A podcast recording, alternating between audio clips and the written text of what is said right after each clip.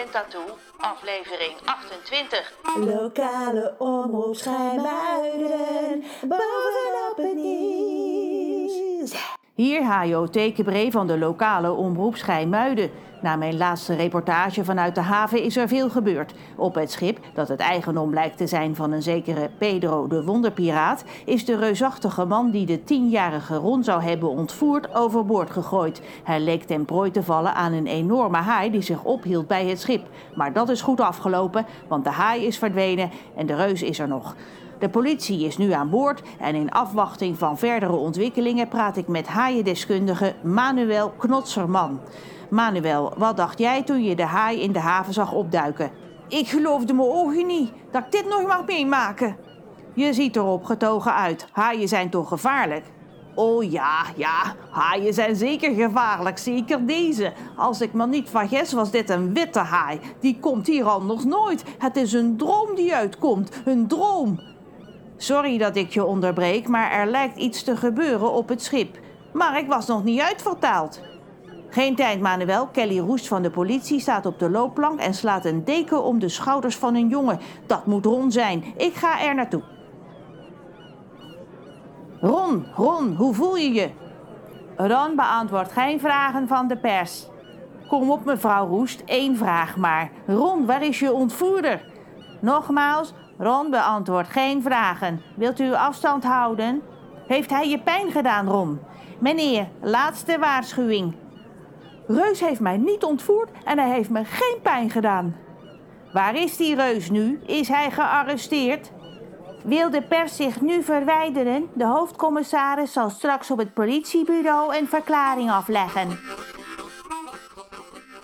Hier is jullie verteller. Een paar weken geleden zat ik nog gevangen op Pedro's schip, maar nu ben ik weer veilig thuis. Er is in de tussentijd veel gebeurd, dus ik zal jullie even bijpraten. Of nee, ik heb een beter idee. De hoofdpersonen in dit verhaal kunnen beter zelf vertellen hoe het ze is vergaan sinds de politie het schip van Pedro bestormde. Uitstekend, verteller. Mag ik? Nou, het lijkt me beter als Ron. Ron heeft al aandacht genoeg gehad. Hij vindt het heus niet erg als hij wat later aan bod komt. Maar ik zal het kort houden. Nadat de haai van Pedro met het potlood van Reus in zijn neus was vertrokken, heb ik gezegd: Pedro, de maat is vol. Boos zijn op Reus omdat zijn tatoeage in je vinger spijt is één ding. Een haai op hem afsturen gaat veel en veel te ver. En je kent Pedro. Het was meteen huilie, huilie. Ik was te streng, ik begreep hem niet, ik hield geen rekening met zijn gevoelens, enzovoort, enzovoort. Ach, die jongen bedoelt het allemaal niet zo slecht. Hij heeft een grote mond, maar een klein hartje. Dat hij een haai op zijn vijanden afstuurt, moet je niet al te zwaar opnemen. Want Reus is zijn benen kwijt, maar de rest heeft hij toch nog? Ik bedoel maar. Nou ja, lang verhaal kort. Toen hij Ron wilde wurgen omdat die de haai had verjaagd, heb ik ingegrepen. Pedro denkt dat hij de baas is op zijn schip, maar eigenlijk ben ik dat. De piraten zien me als hun moeder en het is algemeen bekend dat piraten hun mama niets kunnen weigeren. Dus toen ik ze vroeg om Pedro op te sluiten in het ruim totdat zijn woedeaanval over was, deden ze dat. Kon ik meteen jou naar huis sturen, vertellen? Fijn hè? Nou, en hij zit er nog hoor, Pedro. Hij is nog steeds kwaad. Mijn mannen hebben later nog de yogamat van John in het ruim gegooid, zodat hij zich daarop een beetje kan ontspannen. Maar meneer kan alleen maar schelden. Ik ben bang dat hij zo bar weinig van de Noorse fjorden te zien zal krijgen. Ik ben woedend op iedereen. Ik zal wraak nemen op een ron, op een reus, op een ron, op een reus, op een ron, Hoor je het? op een reus, Er komt geen zinnig woord meer uit. reus. Bedankt Lorelei en Pedro. Ik geef nu graag het woord aan... Ja, wie wil er eerst? Ik, want ik ben ook woedend. Pedro heeft dan wel zijn vloek opgeheven. Ik heb er een andere voor in de plaats gekregen. De oplichter. Wat vervelend. Vervelend? Verschrikkelijk zul je bedoelen. Alles smaakt nu naar mossel. Net goed. Wat een kwaai jongen is het toch. Gelukkig kan John nog steeds fantastische paella koken en daarom is hij nu onze nieuwe scheepskok. Want ik wil elke dag paella. Gefeliciteerd, John. Dank je, geloof ik. Nou mag ik, want ik heb goed nieuws. Ik heb nog steeds in één oor een prop kale macaroni, maar ik ben van het roken af. Sigaretten? Bah, ik moet er niet aan denken. Dus je hoeft geen nicotinepleister meer. Ik kan zonder. Goed hè? Als vrienden van me in Glamsterdam me een sigaret aanbieden, zeg ik: wegwezen met je stinkadem. En nu ik, Trudy, voor de duidelijkheid. Ik lag maar te piekeren in dat bad van de hoofdcommissaris. Wat zou er van me terechtkomen? Zou men mij naar een dierenasiel brengen of een haringkar? Gelukkig besliste de hoofdcommissaris anders. Ik denk dat zijn vrouw een goed woordje voor me heeft gedaan. Twee agenten hebben mij ingeladen in een politiebus en mij teruggebracht naar de haven waar ik in het begin van dit verhaal Reus en Ron vertelde over de ontvoering van mijn moeder. Heerlijk! Ik dobber gezellig in het water en drink af en toe een glaasje witte wijn met de dames en heren die met hun jachten in de haven aanleggen. En ik brei nieuwe pantoffels voor Reus. En ik heb verkering aan hem gevraagd. Hij moest er even over nadenken, zei hij. Nou, als ik hem was, zou ik het wel weten. Zo'n prijsvis als ik, die laat je toch niet schieten? Misschien vindt hij jou iets te dominant. Met u praat ik niet meer, moeder.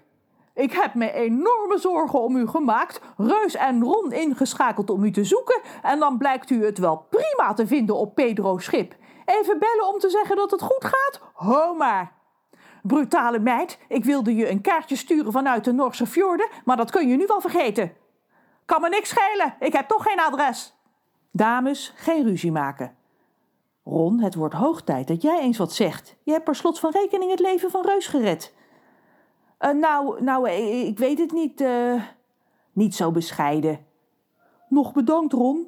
Ah, daar ben je, Reus. En, wat vind je van mijn voorstel voor vaste verkering? Nou, uh, ik weet het niet. Niet zo verlegen. Ja, ik moet er nog even over nadenken. En ik heb het op dit moment best druk. Morgen heb ik drie klanten die een tatoeage willen. En ik moet mijn stokbenen in de olie zetten en zo. Reus, jij hebt nog een nacht in de politiecel doorgebracht. Waarom eigenlijk? De politie verdacht mij van ontvoering. Van Ron. Maar Ron is de volgende dag samen met zijn ouders naar het bureau gekomen om uit te leggen dat ik geen kinderen ontvoer. Hij mag alleen niet meer mijn assistent zijn, omdat hij pas tien is en geen dertien. Dat is stom. Mijn ouders vinden het ook niet goed, ook al snappen ze nu heus wel dat hij geen ontvoerder is. En hoe zit het met die tatoeage van een piratenvlag die je graag wilde? Die wil ik nog steeds, maar ook die mag ik niet. Ben je wel met je ouders uit eten geweest? Drie keer zelfs. We hebben pizza gegeten, pannenkoeken en paella. Mijn vader en moeder willen nog steeds niet weer bij elkaar komen, maar ze zijn nu wel ietsje aardiger voor elkaar. Zie je wel, Reus? Liefde overwint alles. Nou nee, zo bedoelde ik dat niet. Wel eens! Reus, ik heb trouwens nog een vraag gekregen van een oplettende luisteraar. We gaan even terug naar het moment dat jij samen met Ron richting Schijmuiden reed en onderweg kraai oppikte. Kraai had net zijn telefoonabonnement opgezegd en toch wist hij dat je hem nodig had en waar hij op je moest wachten. Hoe kan dat? Tja. Kraaienkracht. Kraaienkracht? Wat is dat? Dat vertellen we je in seizoen 2, Ron. Nou, ook ik ben heel benieuwd. We zijn aan het einde van het verhaal gekomen, maar voordat we afsluiten, ik hoorde dat jullie een lied hebben ingestudeerd. Willen jullie dat laten horen? Jazeker, daar gaat hij. En ik speel de gitaar bij. Pedro is een hele nare man. Hij pakt je waar hij je pakken kan. Je geeft je laatste cent en hij wil meer. Je wordt door hem belazerd keer op keer. Is hij boos, dan is je ondergang een feit. Zeker als een hij bloeddorstig in je bijt. Hij ontvoert mijn moeder zomaar voor de lol. Nou, ik heb toch maar mooi een cruise naar de Noorse fjorden eraan overgehouden. Moeder, dat rijmt niet. Moet dat dan? Hij heet Pedro, de. Hij is de mooiste, de slimste, de sterkste. Pedro, Reus was volgens Pedro haaienvoer. Dat ik hem heb gered is best wel stoer. Mijn gaai heeft nu een potlood in zijn neus. En dat maakt mij verschrikkelijk nerveus. Hij heet Pedro, de wonderpiraat. Zo, nou is het wel klaar. Want als Trudy en Lorelei blijven zingen, worden we nog door ze betoverd. Ik begin me nu al een beetje slaperig te voelen. En ik moet op tijd thuis zijn voor het eten. Mijn moeder heeft eindelijk eens een keer macaroni gekookt. Met tomatensaus. Ik geloof van wel. Ah, ik wil ook. Met een peuk erbij. Nu! Ron wil een tattoo is geschreven en geproduceerd door Margot de Graaf. In het najaar komt Ron terug. Tot dan!